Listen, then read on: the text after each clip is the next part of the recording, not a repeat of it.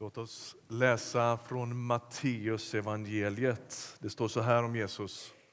Detta är min tjänare som jag har utvalt, den som jag älskar och som min själ har sin glädje i. Jag ska låta min ande komma över honom och han ska förkunna rätten för folken. Han ska inte träta eller ropa och ingen ska höra hans röst på gatorna. Han ska inte bryta av det knäckta strået eller släcka den tynande lågan utan han ska en dag föra rätten till seger och hans namn ska ge folken hopp. Vem erbjuder hopp i vår tid? Det är frågan. Isarna smälter, isbjörnarna svälter, regnskogarna brinner, de skövlas och dör. Och häromsistens hörde jag att det lär vara så att det finns mer plast än fisk i världshaven. De galna ledarna avlöser varandra i Turkiet, Ryssland, Ungern, USA, Myanmar, Kina. Och skälen till den alarmerande psykiska ohälsan är naturligtvis jättemånga och väldigt komplexa. Men en faktor har med framtidstron att göra. Vad kan man egentligen hoppas på? Vem kan man egentligen lita på? Den kristna berättelsen den handlar om hur Gud har skapat människan. Han gör det med väldigt tydlig avsikt att han på djupet önskar relatera till henne. Men människan väljer bort Gud till förmån för sig själv. Synden, människans inkrökthet i sig själv, det är vad synden är, är därmed ett faktum. Och Det står i den där berättelsen om skapelsen och Edens lustgård att Gud kommer vandrande i trädgården i den svala kvällsvinden.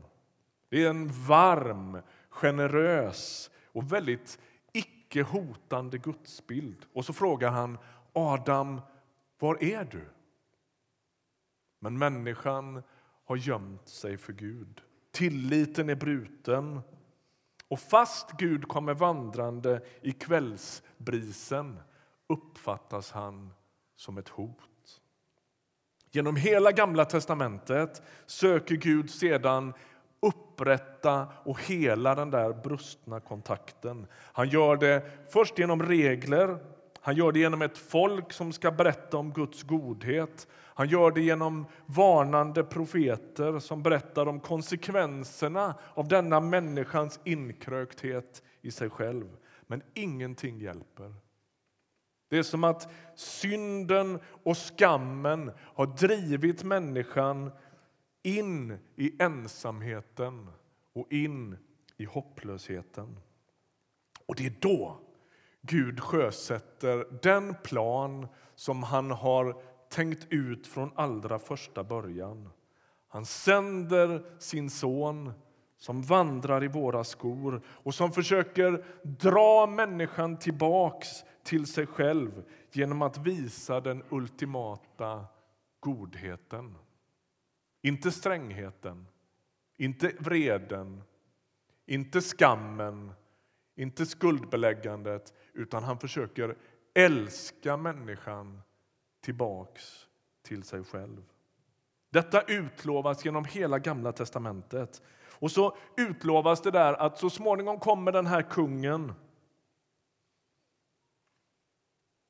Och förväntningarna byggs upp. Det är en slags ny makthavare, Guds egen räddare, Guds egen utsände.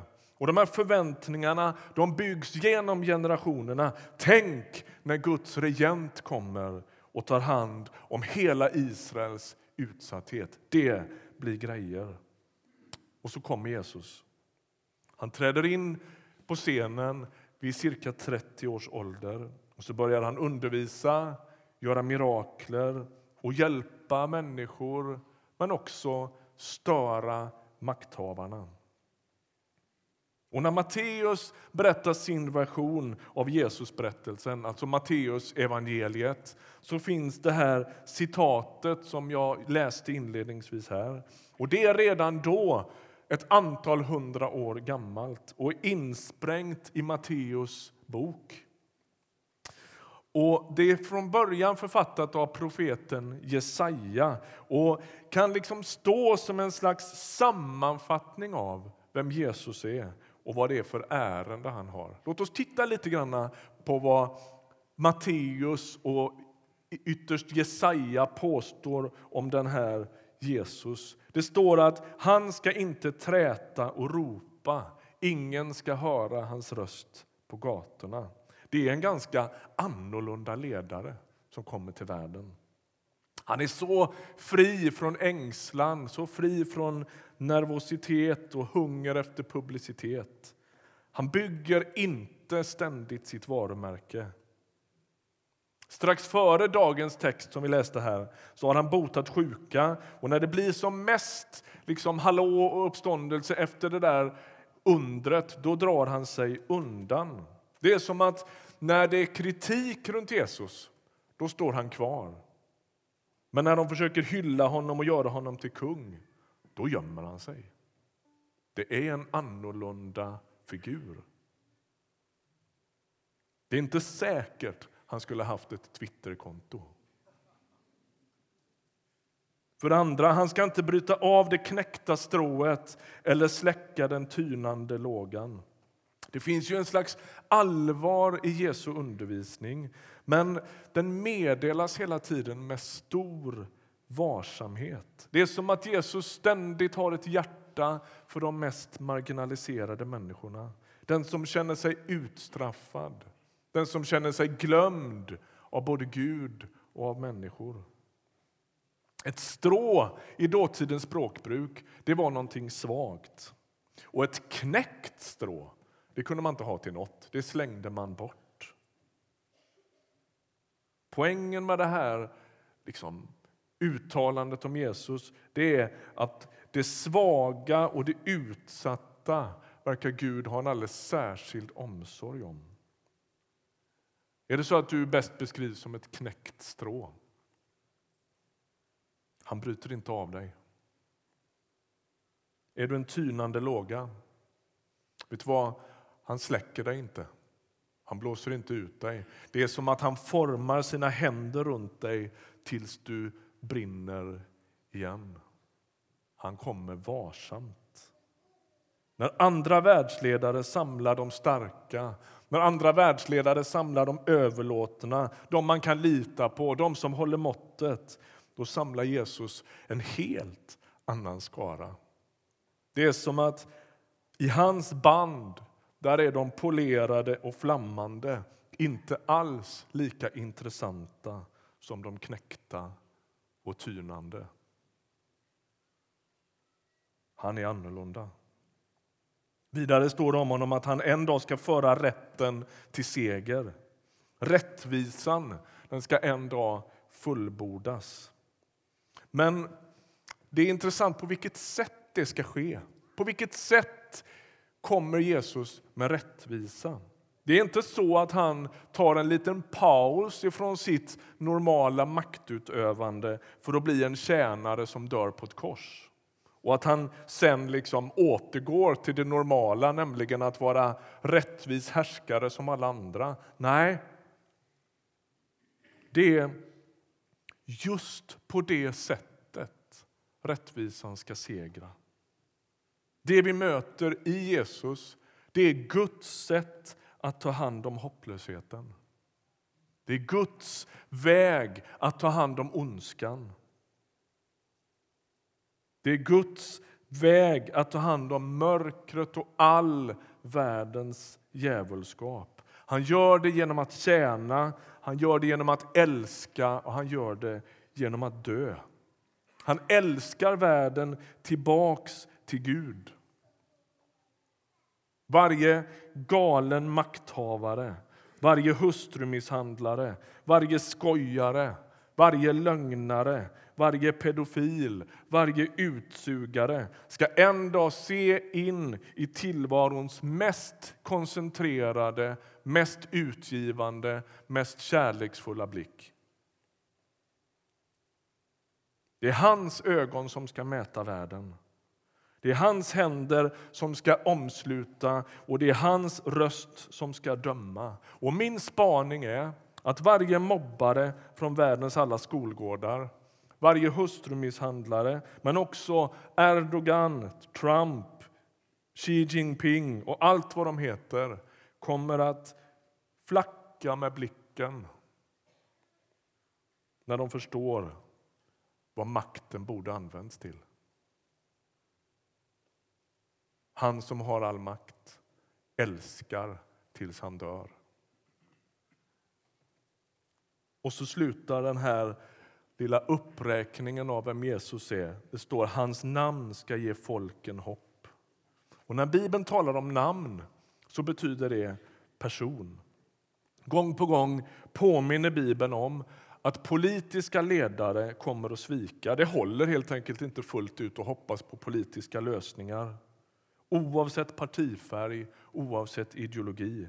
Det är naturligtvis inte oviktigt med politik, men världens hopp är djupast sett kopplat till någon helt annan.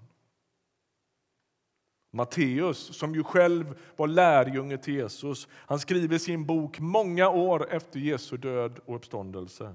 Och hans poäng är att historien löper inte amok. Den mänskliga historien måste läsas och förstås genom linsen Jesus Kristus som dog och uppstod. Han kom hit, han gav Gud ett ansikte, han dog och han uppstod igen. Det är inte kört. Gud kommer inte att låta världen löpa amok. Du behöver inte vara rädd. Vad är det för slags hopp vi erbjuds i den kristna tron? Vad är det rimligt att förvänta sig av livet egentligen?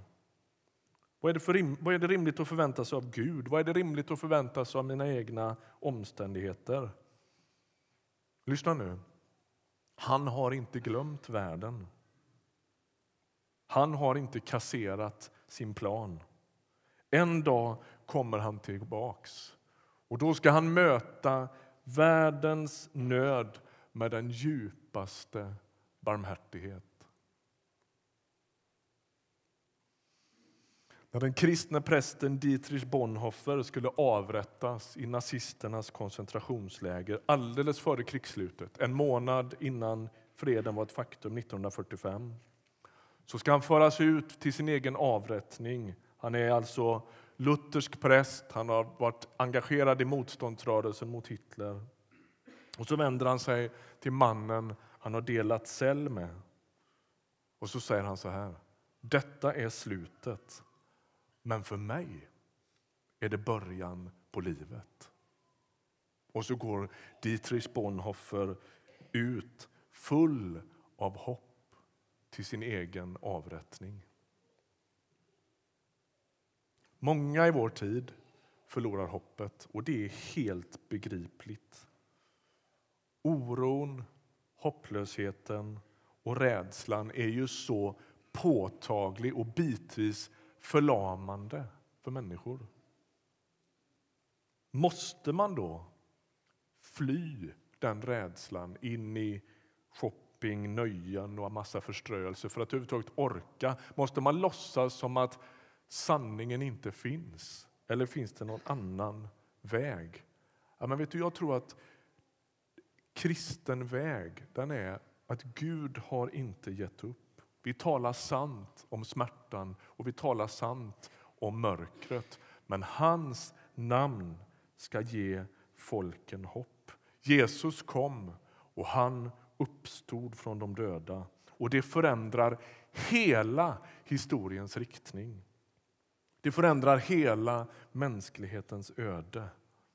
Och Faktum är att Bibelns rungande budskap till dig och mig som enskilda det är därför Omvänd dig från din inkrökthet. Tro på Jesus som har brutit udden av döden. En dag ska han komma tillbaka. En dag ska Gud igen komma gående i den svala kvällsvinden.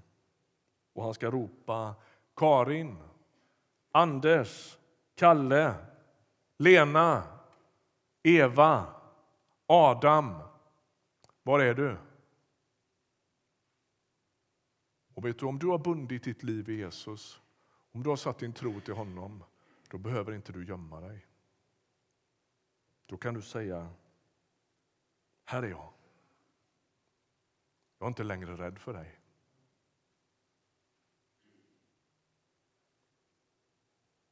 Han ska ge folken hopp. Bind ditt hjärta, bind ditt liv vid honom som ensam äger förmågan att älska tillvaron hel igen. Amen. Låt oss be tillsammans.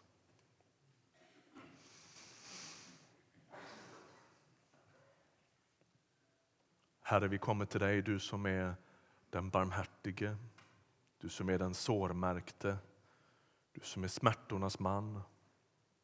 Du som har smakat på hopplöshet, utsatthet och mörker.